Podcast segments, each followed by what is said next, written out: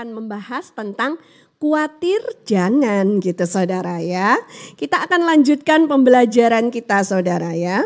Berapa banyak di antara saudara yang semangat untuk belajar firman Tuhan? Coba lihat kanan kirinya, bilang semangat gitu ya.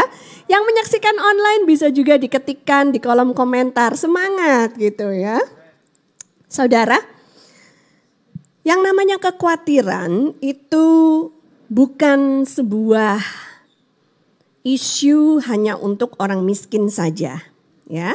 Tapi juga merupakan isu yang dialami oleh orang-orang kaya. Karena kalau kita menaruh hati kita pada kekayaan dunia seperti yang dibahas minggu lalu, kalau hati kita itu berada di harta dunia, maka kekhawatiran pasti akan melanda kita, saudara. Ya, karena apa? Karena kita akan khawatir jangan-jangan harta kita akan raib, akan melayang gitu ya. Nah, jadi saudara, kita bisa melihat itu menjelaskan kenapa semakin kaya seseorang semakin banyak pula kekhawatirannya gitu saudara ya. Orang yang nggak punya duit bawa tas bisa ditaruh di mana aja keletakan gitu saudara ya. Dan dia nggak pusingin, nggak takut gitu saudara ya, nggak khawatir. Karena apa? Nggak ada duitnya.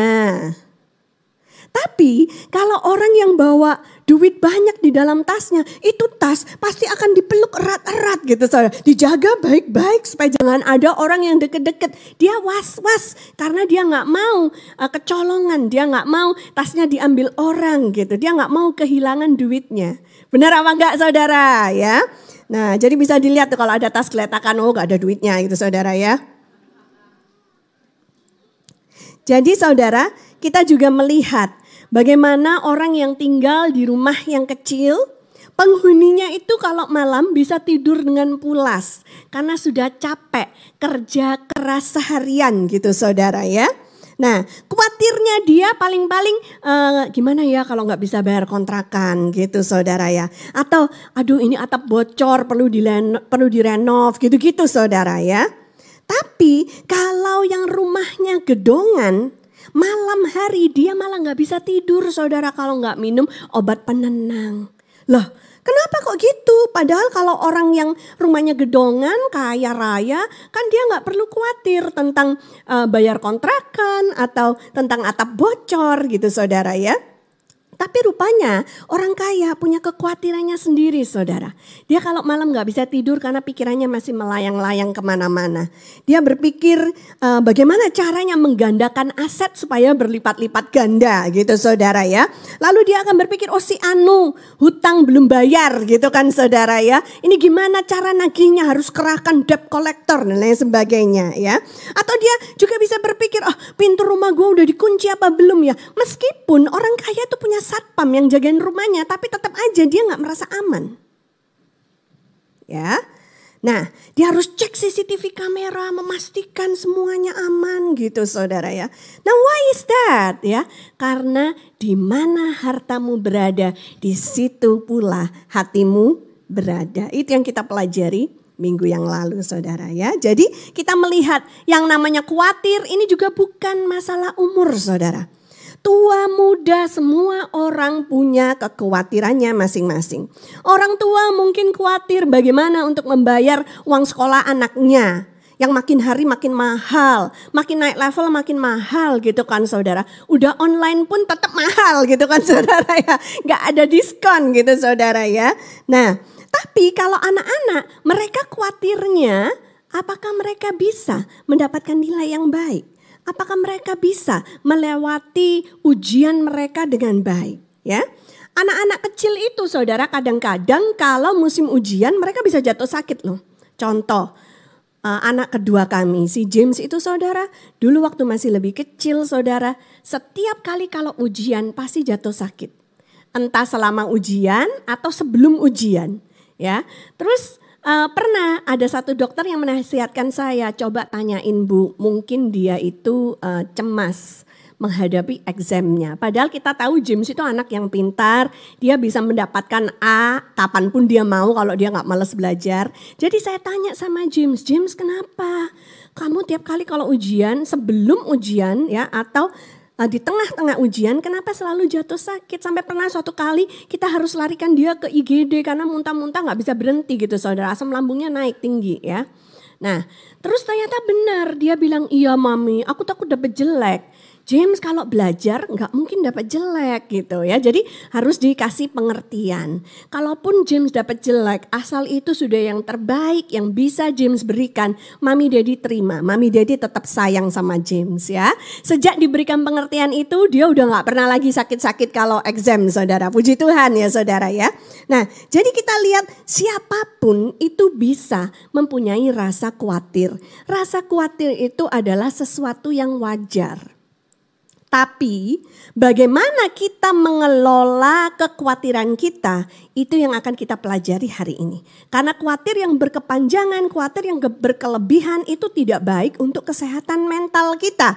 Makanya Tuhan Yesus mengajarkan kepada kita untuk jangan khawatir. Lihat kanan kirinya, ketika di kolom komentar, jangan khawatir. Ada amin saudara ya.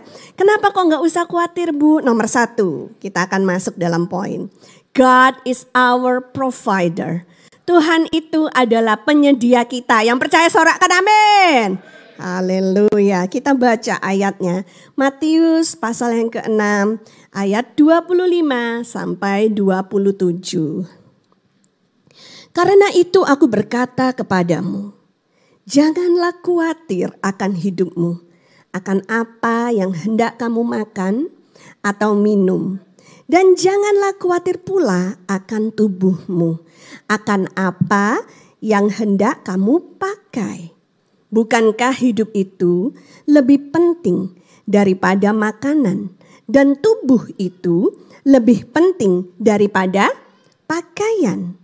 Pandanglah burung-burung di langit yang tidak menabur dan tidak menuai dan tidak mengumpulkan bekal dalam lumbung namun diberi makan oleh Bapamu yang di sorga.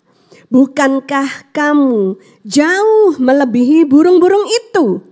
Siapakah di antara kamu yang karena kekhawatirannya dapat menambahkan sehasta saja pada jalan hidupnya? Amin. Nah, saudara, Seringkali yang namanya kekhawatiran ini akan membuat kita lumpuh. Sehingga kita malah gak bisa ngerjain apa-apa. Mau ini mau itu semuanya terhalang oleh mental block yang ada di dalam pikiran kita. Oleh kekhawatiran kita yang terlalu kita besar-besarkan. Sehingga kita mau ini gak berani nyoba bisnis baru, gak berani keluar rumah, gak berani dan lain sebagainya. Saya angkat jempol buat saudara yang sudah mulai berani untuk datang kebaktian on-site. Amin. Yes, kita harus mulai kembali. Kalau kita mau melihat Indonesia mengalami new normal, maka inilah kita sebagai rakyatnya harus mulai berani untuk punya kegiatan lagi. Amin saudara. Untuk membangun kembali kehidupan yang pernah terpuruk. Ada amin saudara. Yes, puji Tuhan saudara ya.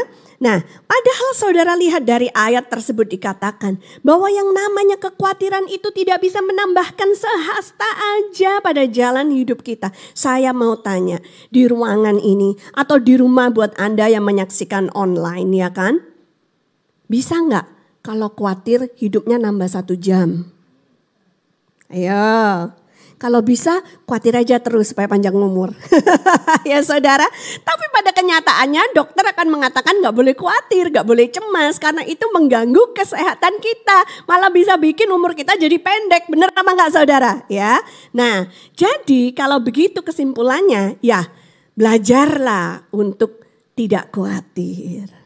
Kalaupun ada kekhawatiran, kita harus tahu bagaimana menyerahkan kekhawatiran kita itu kepada Tuhan. Supaya tubuh kita tetap sehat, kita bisa berumur panjang, melayani Tuhan dalam hidup kita yang berumur panjang itu. Yang mau katakan amin sorak-sore buat Tuhan Yesus saudara. Amin. Haleluya. Nah saudara kita lihat ya.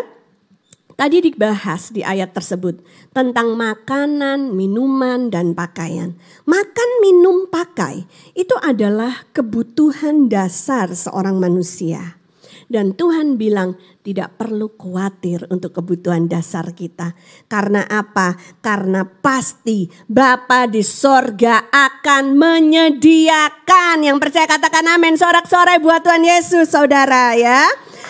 Eh, kalau burung di udara aja, dia itu loh, ndak pernah nabur, ndak pernah nuai, ndak pernah menyimpan makanan di lumbung. Kalau burung di udara aja terbang-terbang kerjanya, Tuhan pelihara, Tuhan kasih makan. Apalagi kita anak-anaknya kita lebih berharga daripada burung yang percaya katakan amin saudara ya. Tapi bukan berarti burung itu malas loh saudara ya. Bukan berarti ayat ini ngomongin kita untuk menjadi orang yang malas. Kalau gitu makan tidur aja di rumah gak usah kerja. Bukan. Burung pun harus terbang loh saudara. Harus mengepakkan sayapnya ya. Dan dia harus mau untuk tuh pergi ke lautan, ke sungai. Dia harus mau untuk mencari makanan tersebut. Memang sudah Tuhan siapkan berkatnya, tapi dia harus pergi menjemputnya. Dan dia harus patok itu ikan dari dalam air, dibawa terbang pergi ke tempat persembunyiannya untuk dia nikmati di sana. Benar saudara ya. Jadi meskipun Tuhan menyediakan tetap kita harus pergi jemput berkat Tuhan tetap harus kerja karena manusia diciptakan untuk bekerja. Adam dan Hawa diciptakan Tuhan dengan suatu pesan kelola taman Eden. Berarti manusia harus kerja. Yang setuju katakan amin saudara. Ya. Nah kita lihat saudara burung-burung ini saudara. Makanan mereka disiapkan oleh Tuhan. Tahukah saudara ada satu masa di mana orang Israel itu sedang berputar-putar di padang gurun selama 40 tahun. Dan demikian juga dengan mereka. Mereka tidak menanam, mereka tidak menuai, mereka tidak menyimpan padi atau uh, gandum di lumbung mereka. Tapi selama 40 tahun lamanya, Bapa di sorga menyediakan mana? Roti yang turun dari sorga yang mana mereka setiap pagi harus keluar dari tenda mereka dan mengumpulkan mana itu ya. Boleh dilihat di foto berikutnya ya. Dan dikumpulkannya hanya boleh untuk persediaan satu hari demi satu hari nggak boleh serakah. Jadi itu ngajarin manusia jangan serakah. Mengumpulkan pun sehari demi sehari gitu saudara ya. Kalau mereka mengumpulkan lebih dari kebutuhan mereka sehari percuma sia-sia. Karena apa? Karena mananya akan rusak tidak bisa dimakan lagi. Besok toh turun lagi mana yang baru. Ada amin saudara ya. Nah mereka dipelihara oleh Tuhan meskipun mereka di padang gurun. Tahukah saudara bahwa Yesus adalah roti yang hidup turun dari surga. Hidup di tengah-tengah manusia.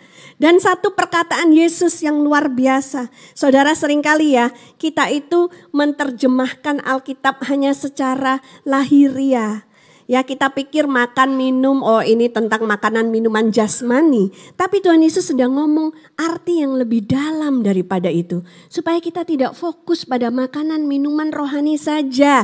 Tapi kita baiknya fokus kepada makanan minuman rohani kita. Yang percaya katakan amin saudara ya. Saudara, Yesus berkata, Yohanes 6 ayat 35. Kata Yesus kepada mereka, Akulah roti hidup. Barang siapa datang kepadaku, ia tidak akan lapar lagi.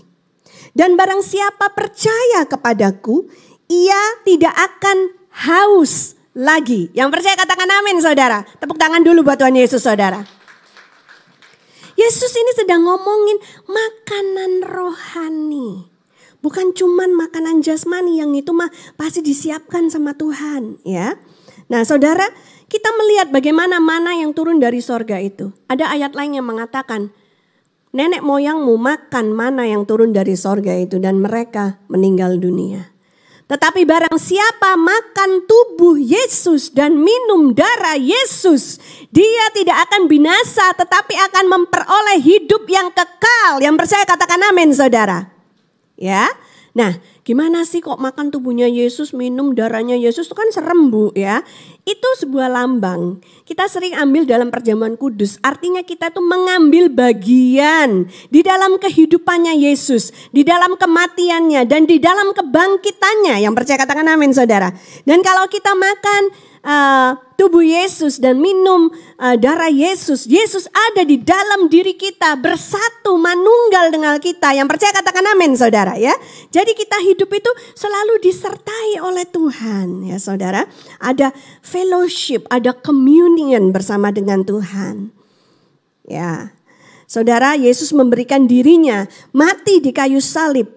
Ya, dan dia bilang bahwa siapa yang mengambil perjamuan kudus makan tubuhnya, minum darahnya akan beroleh hidup yang kekal. Siapa yang mau saudara beroleh hidup yang kekal? Ya, datang kepada Yesus, percaya kepada Yesus, engkau tidak akan pernah lapar lagi dan engkau tidak akan pernah haus lagi secara rohani. Yang percaya katakan amin, sorak-sorai buat Tuhan Yesus saudara. Amin.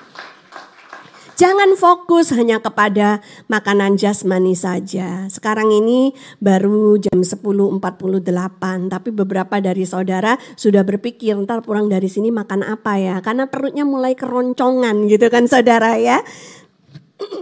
Nah, Yesus bilang kita harus fokus pada makanan rohani. Yohanes 4 ayat 34. Yesus berkata kepada mereka, Makananku ialah melakukan kita baca bersama-sama boleh saudara ya. Yohanes 4 ayat 34. 2 3. Kata Yesus kepada mereka, "Makananku ialah melakukan kehendak Dia yang mengutus aku dan menyelesaikan pekerjaannya." Ini percakapan terjadi di uh, sumur yang di Samaria itu saudara ya. Ketika Yesus baru saja ngobrol sama wanita Samaria, lalu wanita Samaria ini mengalami perubahan, dia mau panggil teman-temannya satu kota untuk dengerin Yesus ngomong. Murid-muridnya waktu itu pergi cari makanan, terus balik mau kasih Yesus makanan. Tapi Yesus bilang, padaku ada makanan yang tidak engkau ketahui. Dan ia bilang, makananku ialah melakukan kehendak dia yang mengutus aku dan menyelesaikan pekerjaannya. Itu loh makanan rohani kita saudara. Bagaimana dengan kita hari ini? Apakah kita sudah fokus pada melakukan kehendak Bapa yang mengutus kita ke atas muka bumi ini, yang mengizinkan kita untuk lahir di atas muka bumi ini? Saudara nggak percaya kalau saudara diutus ke atas muka bumi ini? Saya punya beberapa kenalan, ya, beberapa orang, bahkan adik saya sendiri saudara ya, berusaha untuk punya anak. Tapi sampai sekarang masih belum dikaruniai Tuhan anak. Ya. Saya sendiri sama Pastor Daniel pernah mengalami antara Angelin dengan James itu jaraknya 10 tahun anak pertama dengan anak kedua. Lama banget kan saudara. Padahal kami sudah berusaha sekuat tenaga loh saudara ya. Sudah bergumul setiap malam. Tapi kok nggak jadi-jadi anaknya gitu saudara ya. Ya kan bergumul dalam doa. Tuhan, mana anak kedua kan Tuhan janji mau kasih anak laki-laki gitu saudara ya. Nah itu membuktikan bahwa memang benar anak-anak itu bisa lahir di dunia ini bukan karena orang tuanya bergumul saja saudara. Tapi karena Tuhan Bapa di sorga mengutus anak-anak ini untuk dilahirkan di atas muka bumi ini. Yang percaya katakan amin bahwa setiap anak yang dilahirkan itu punya rencana, blueprint, gambaran Tuhan di dalam diri mereka, destiny ilahi yang mana mereka harus temukan dan mereka genapi di dalam hidup mereka.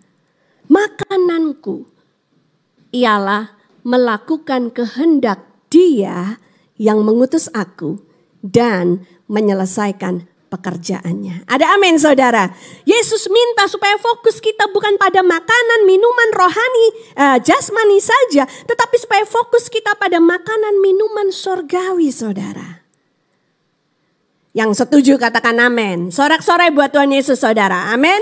Haleluya. Puji Tuhan saudara. Kita masuk ke poin yang kedua. Mau belajar lebih dalam? Menarik gak saudara? Coba lihat kanan, lihat kanan kirinya, bilang, yuk belajar lebih dalam. Yang nonton di rumah juga boleh diketikkan ya. Yuk nonton lebih dalam, puji Tuhan. Kita lihat dari Matius 6 ayat 28 sampai 32. Kita lanjutkan perikop tentang hal kekhawatiran ini. Matius 6 ayat 28 sampai 32. Dan Mengapa kamu khawatir akan pakaian? Perhatikanlah bunga bakung di ladang yang tumbuh tanpa bekerja dan tanpa memintal. Namun aku berkata kepadamu, Salomo dalam segala kemegahannya pun tidak berpakaian seindah salah satu dari bunga itu.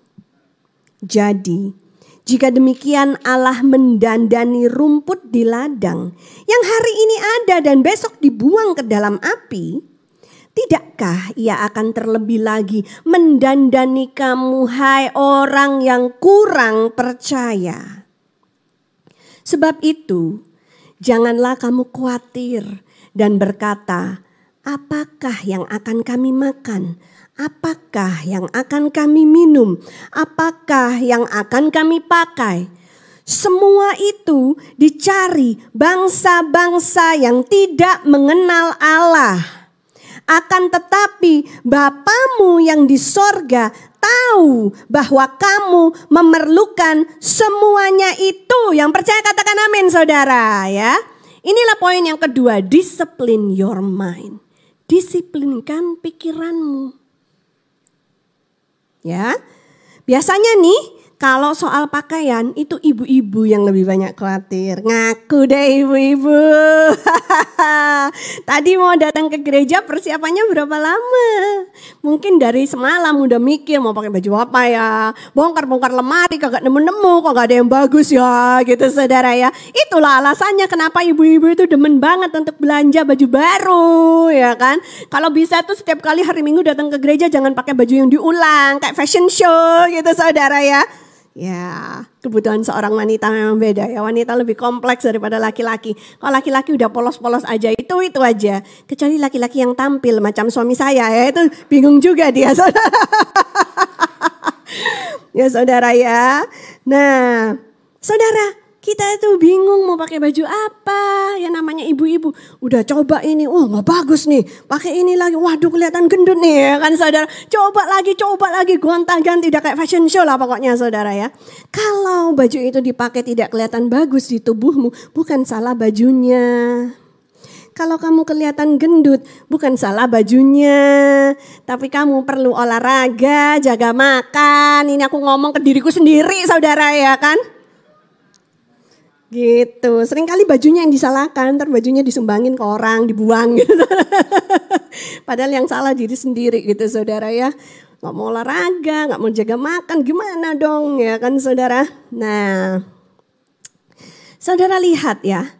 Kalau bunga bakung aja di lembah, itu Tuhan hias sedemikian rupa. Dan Alkitab mengatakan Salomo, wah Salomo itu raja Israel yang paling kaya raya saudara. Di Alkitab dicatat setelah Salomo tidak ada raja yang lebih kaya daripada dia. Sebelumnya Salomo tidak ada raja yang lebih kaya daripada dia saudara. Tapi di, di Alkitab dicatat Salomo aja dengan semua kemegahannya tidak berpakaian seindah bunga-bunga tersebut. Seperti apa sih bunga lili di Padang? Mau lihat saudara? Ada fotonya nih, saya udah cari tadi malam. Coba, nah itu yang yang backgroundnya hijau-hijau itu bunga lili di Padang. Ya, nah saudara bunga bakung ya bahasa Inggrisnya lily of the valley bahasa Indonesia-nya bunga bakung di lembah ya saudara ya. Nah itu di mata Tuhan bunga lili lily in the valley ini bunga bakung di lembah ini lebih indah daripada pakaiannya Salomo. Ya saudara. Nah tapi saudara kita nggak bisa mengartikannya hanya secara harafiah gitu aja. Ini tidak bicara tentang pakaian jasmani saja. Tapi ini berbicara juga tentang pakaian rohani. Tahukah saudara bahwa ketika Tuhan Yesus mati di atas kayu salib, sebagai mempelai pria, dia telah memberikan kepada kita gerejanya, mempelai wanitanya, jubah kemuliaan. Yang percaya katakan amin saudara.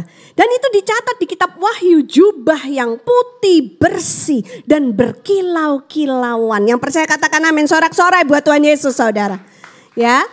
Wow, katakan wow dong saudara ya. Yesus mati di atas kayu salib telanjang. Supaya engkau dan aku diberikan jubah kemuliaan. Untuk menutupi semua rasa malu kita kesalahan kita, dosa kita, rasa bersalah kita yang disebabkan karena manusia jatuh dalam dosa. Semua itu sudah ditebus, dibayar lunas harganya sehingga kita dilayakkan menjadi mempelai perempuannya. Yang percaya katakan amin sorak-sorai buat Tuhan Yesus dong saudara ya. Di gereja ini beberapa minggu yang lalu baru aja ada mantan baru. Hari ini datang nggak ya? Oh hari ini nggak datang ya, ada Yosua dan Grace ya, baru merit uh, bulan lalu di Sidi Kalang saudara ya. Eh kok bulan lalu, beberapa minggu yang lalu. Dan seperti semua mempelai wanita lainnya, tentu dia harus menyiapkan gaun yang begitu indah, dibelikan oleh calon suaminya. Putih bersih, dan berkilau-kilauan. Makanya kan kalau baju mantan banyak bling-blingnya gitu saudara ya kan. Supaya kalau disorot kamera, disorot lampu, berkilau-kilauan. Yesus sudah membelikan kita pakaian kemuliaan. Amin saudara. Supaya nanti kalau kita dijemputnya, kita bisa menjadi pempelai wanitanya yang layak. Tapi pakaian ini harus kita jaga baik-baik supaya tetap putih bersih dengan cara kita menjaga kelakuan kita tetap baik di hadapan Tuhan, bersih. Ada amin saudara ya? Ya, puji Tuhan saudara. Supaya tidak ada cacat dan noda saudara ya. Nah, disiplin your mind. Disiplinkan pikiranmu. Daripada khawatir, lebih baik kita memproklamasikan firman Tuhan daripada khawatir tentang kebutuhan-kebutuhan kita tadi itu. Lebih baik kita bilang Bapakku yang di sorga tahu bahwa aku memerlukan semuanya itu. Yang percaya katakan amin saudara ya. Itu tercatat di Matius pasal yang ke-6 ya. Nah ketika kita proklamasikan firman dan firman itu memerintah di hati dan di pikiran kita ya, maka terciptalah ketenangan. Damai sejahtera. Meskipun belum ada jalan keluar, tapi ada keyakinan di dalam hati kita bahwa Tuhan menyertai kita dan Tuhan tidak meninggalkan kita dan Tuhan pasti akan menyediakan jalan keluar untuk kita yang percaya katakan amin saudara. Itulah yang membuat anak Tuhan itu beda dengan yang lain. Yang lain bingung mencari harta dunia. Anak Tuhan mengumpulkan harta di sorga. Amin saudara, yes. Minggu lalu udah dijelasin tuh tentang harta di sorga. Pikirannya dipenuhi oleh damai sejahtera yang melampaui segala akal. Sama-sama dihantam badai, sama-sama menghadapi pandemi COVID-19. Tapi kita nggak perlu khawatir yang sampai berkelebihan. Asal kita tetap jaga prokes, kita yakin Tuhan pelihara, lindungi. Ada amin saudara, yes? Pandemik ini pun akan kita lewati dengan baik. Bahkan kalau Tuhan izinkan, kita bisa rise and shine di tengah-tengah pandemik sekalipun. Yang percaya katakan amin. Sorak-sorai buat Tuhan Yesus saudara. Disiplinkan pikiranmu. Kalau sadar nih, sadar. Ih gua mau khawatir nih. Ih hati gua resah, gunda gulana gitu kan saudara ya. Maka kita disiplinkan pikiran kita langsung masuk ke dalam alam roh berdoa gitu saudara ya. Bu, ibu tadi bilang kita akan rise and shine di tengah-tengah pandemi. Kok bisa? Gimana caranya kepala saya udah mau pecah bu ngadapin pandemik ini bu. Gak tahu kapan akan berakhirnya. Nah itu, rubahlah cara berpikirmu. Bagaimana kalau bilang, oh terima kasih Tuhan hari ini Indonesia sudah dipandang oleh Amerika Serikat sebagai level 1. Tepuk tangan dong. Dari awal pandemik ibu-ibu pendoa syafaat di tempat ini sudah berdoa bahwa kita akan bisa melalui pandemik dengan baik. Ada amin. Akan ditemukan vaksinnya, akan ditemukan obatnya. Ada amin. Dan sekarang ini lu sudah menjadi kenyataan hidup kita pelan-pelan kembali menjadi normal. Bukankah itu sesuatu yang layak untuk disyukuri kepada Tuhan? Ya kan? Nah, karena kalau kau terus-menerus hidup dalam kekhawatiran, biarpun Indonesia sudah dipandang level 1 oleh Amerika, Jakarta sudah ditentukan level 2, jalanan sudah mulai macet, tetap kau ada di rumah ketakutan. Tetap kau di rumah hidup dalam kekhawatiran. Kau tidak bisa menikmati hidup ini karena kekhawatiran sudah menggerogoti engkau sedemikian rupa sehingga engkau tidak bisa maksimal, tidak bisa efektif di dalam kehidupanmu. Engkau melihat pandemik, engkau melihat krisis. Orang lain melihat pandemik, orang lain melihat kesempatan. Kenapa bisa beda begitu besar? Karena ada orang-orang yang mendisiplinkan pikirannya, dan ada orang-orang yang tidak. Hari ini kita belajar untuk mendisiplinkan pikiran kita. Yang mau katakan amin. Sorak-sorai buat Tuhan Yesus dulu saudara ya. Haleluya. Filipi pasal yang keempat ayat 6 sampai 7. Janganlah hendaknya kamu khawatir tentang apa pun juga. Tetapi nyatakanlah dalam segala hal keinginanmu kepada Allah dalam doa dan permohonan dengan ucapan syukur.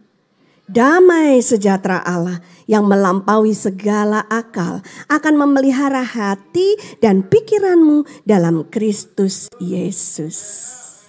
Di sini lo letaknya, bedanya anak Tuhan dengan orang dunia. Mereka khawatir, tetap anak Tuhan tetap bisa khawatir. Tapi mereka tahu bagaimana untuk mendisiplinkan pikiran mereka.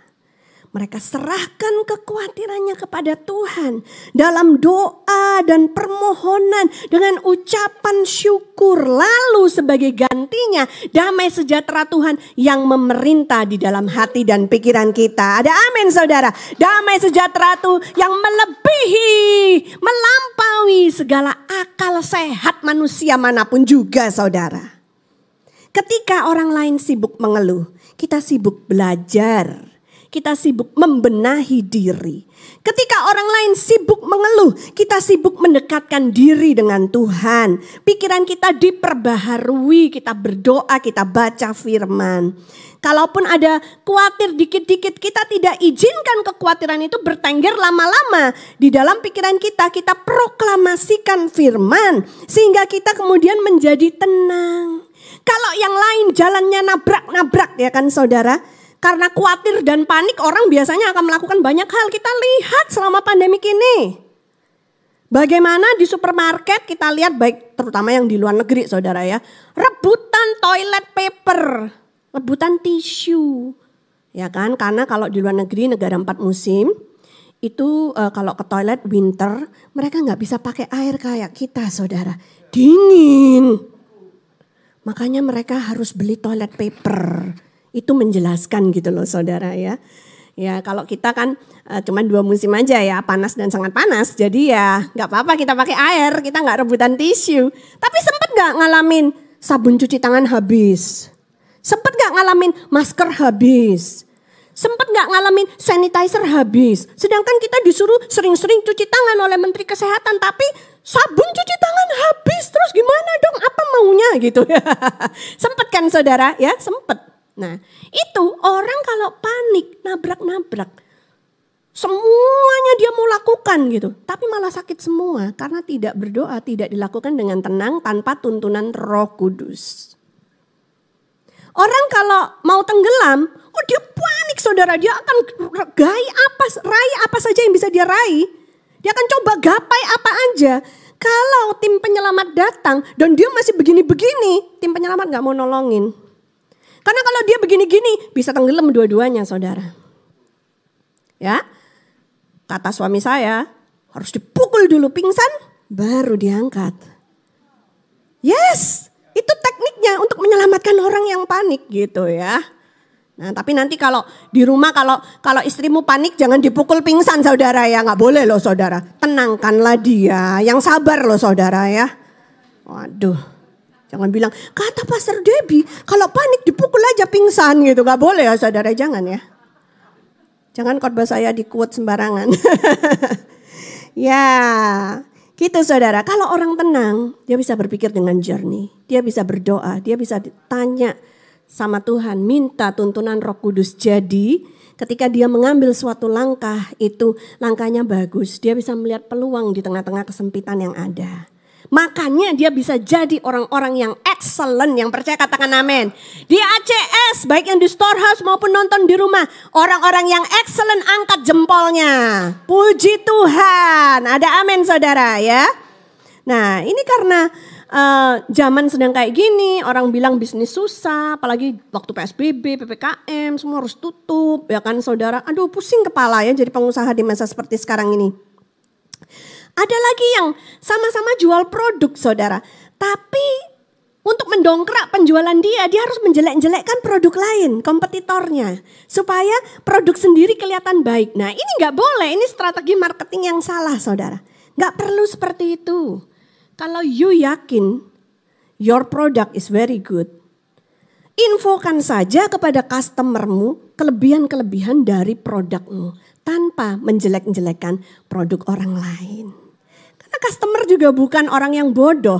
Customer bisa kok mereview sendiri, berpikir sendiri mana yang lebih cocok untuk mereka, mana yang lebih baik. Ada amin saudara. Nggak perlu lemparkan tuduhan, fitnahan, black campaign, nggak perlu saudara.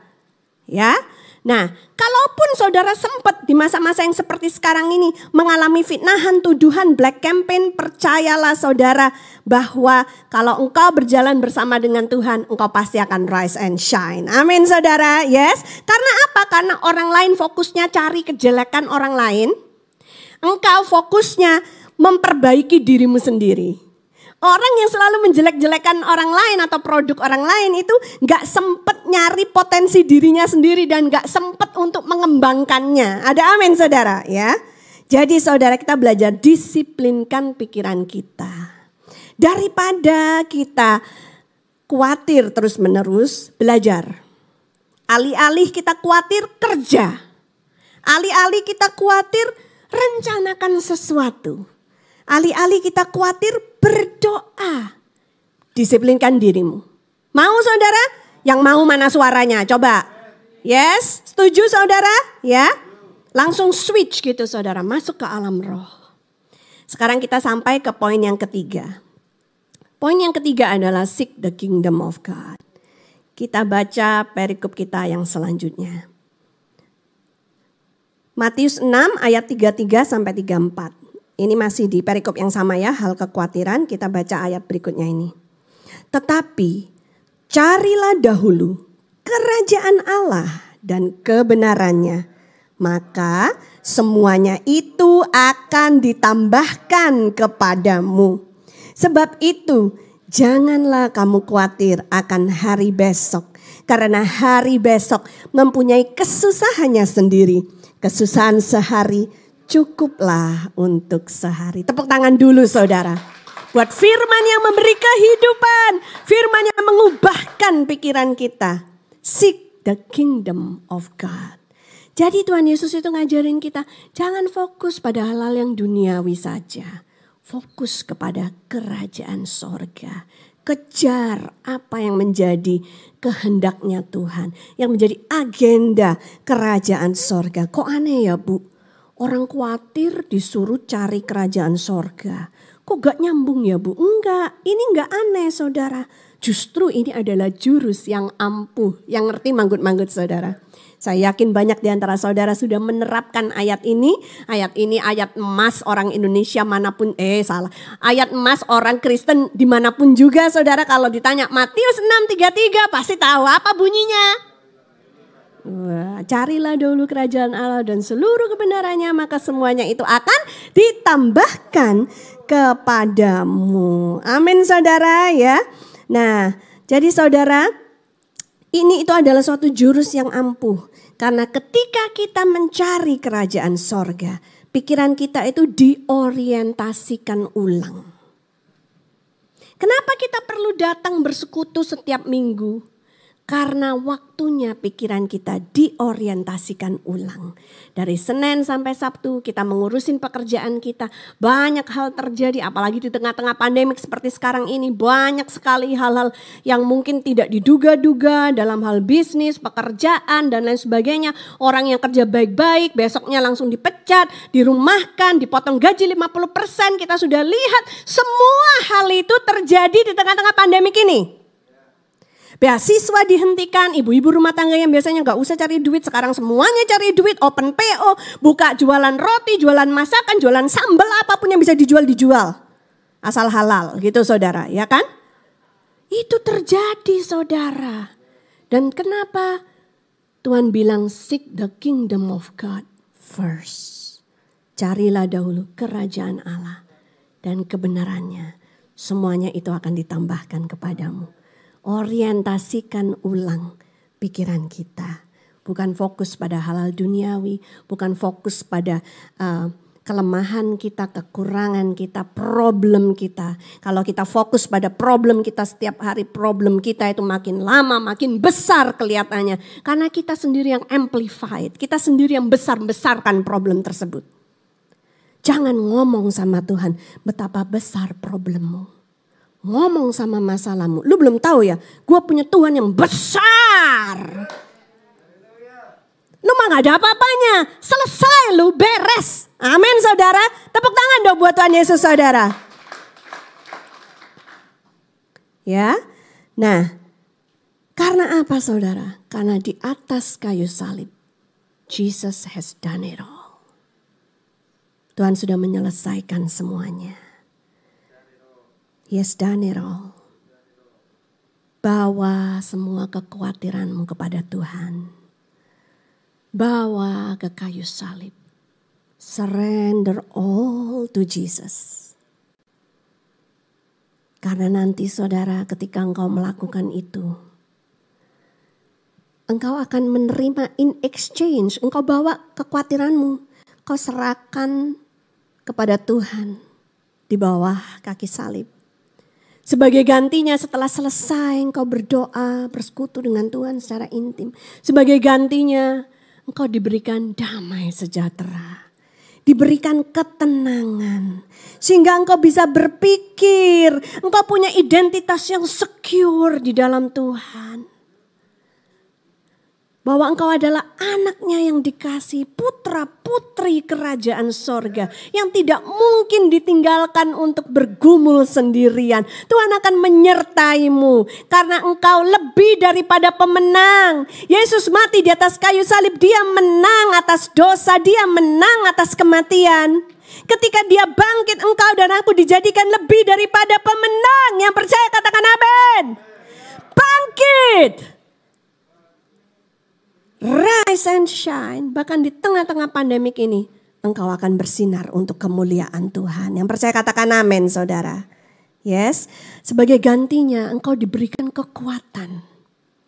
Dan engkau akan menjadi lebih kuat untuk menghadapi hari-harimu. Untuk menghadapi pertempuranmu. Ya, karena engkau tahu Yesus sudah membayar semuanya lunas di atas kayu salib. Semua yang engkau perlukan makanan, minuman, pakaian, jasmani, rohani, jiwani, semua sudah disiapkan oleh Tuhan. Tidak perlu khawatir. Ada amin saudara. Jangan khawatir tentang hari esok. Mengajarkan pada kita untuk hidup di masa yang sekarang ini. Jangan terpaku pada masa lalu tidak ada yang bisa kau rubah dari masa lalu. Jangan juga terlalu berandai-andai tentang masa depan. Masa depan belum ada dalam kontrolmu. Fokus pada masa sekarang ini. Apa yang bisa kita lakukan sekarang bersama dengan Tuhan? Karena apa yang kita lakukan saat ini bersama dengan Tuhan akan merubah seluruh hidup kita, merubah masa depan kita, bahkan merubah kekekalan kita. Saya undang saudara bangkit berdiri.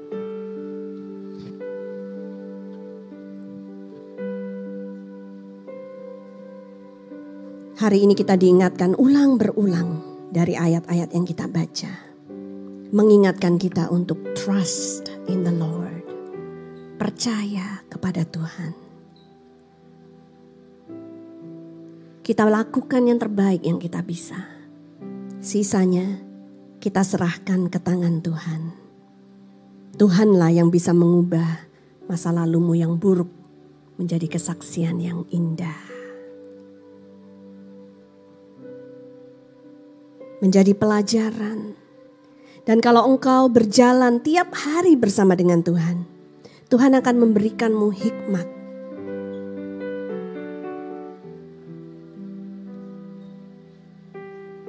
Mari kita pejamkan mata kita. Ampuni kami Tuhan.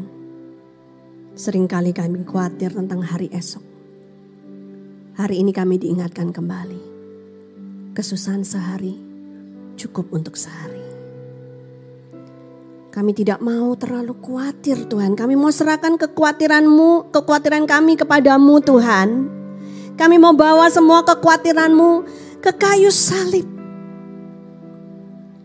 Karena akan ada divine exchange. Tuhan akan berikan kepada kami pikiran yang tenang, damai sejahtera. Tuhan akan berikan hikmat kepada kami untuk kami bisa melihat apa yang harus kami lakukan. Dan hari ini hamba berdoa Tuhan kalau ada di antara anak-anakmu yang menyaksikan di rumah mereka.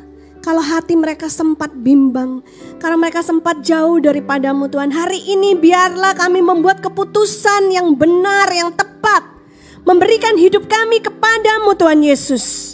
Berjalan bersamamu Tuhan Yesus setiap hari. Karena kami tahu kami akan hidup bersamamu sampai selama-lamanya. Kami mau serahkan hati kami, pikiran kami, hidup kami ke tanganmu Tuhan.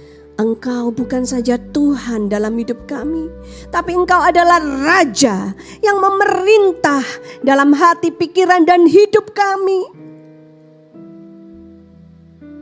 Terima kasih Tuhan, terima kasih Tuhan. Mari saudara, kalau ada di antara engkau yang merasa khawatir hari ini, angkat kedua tanganmu.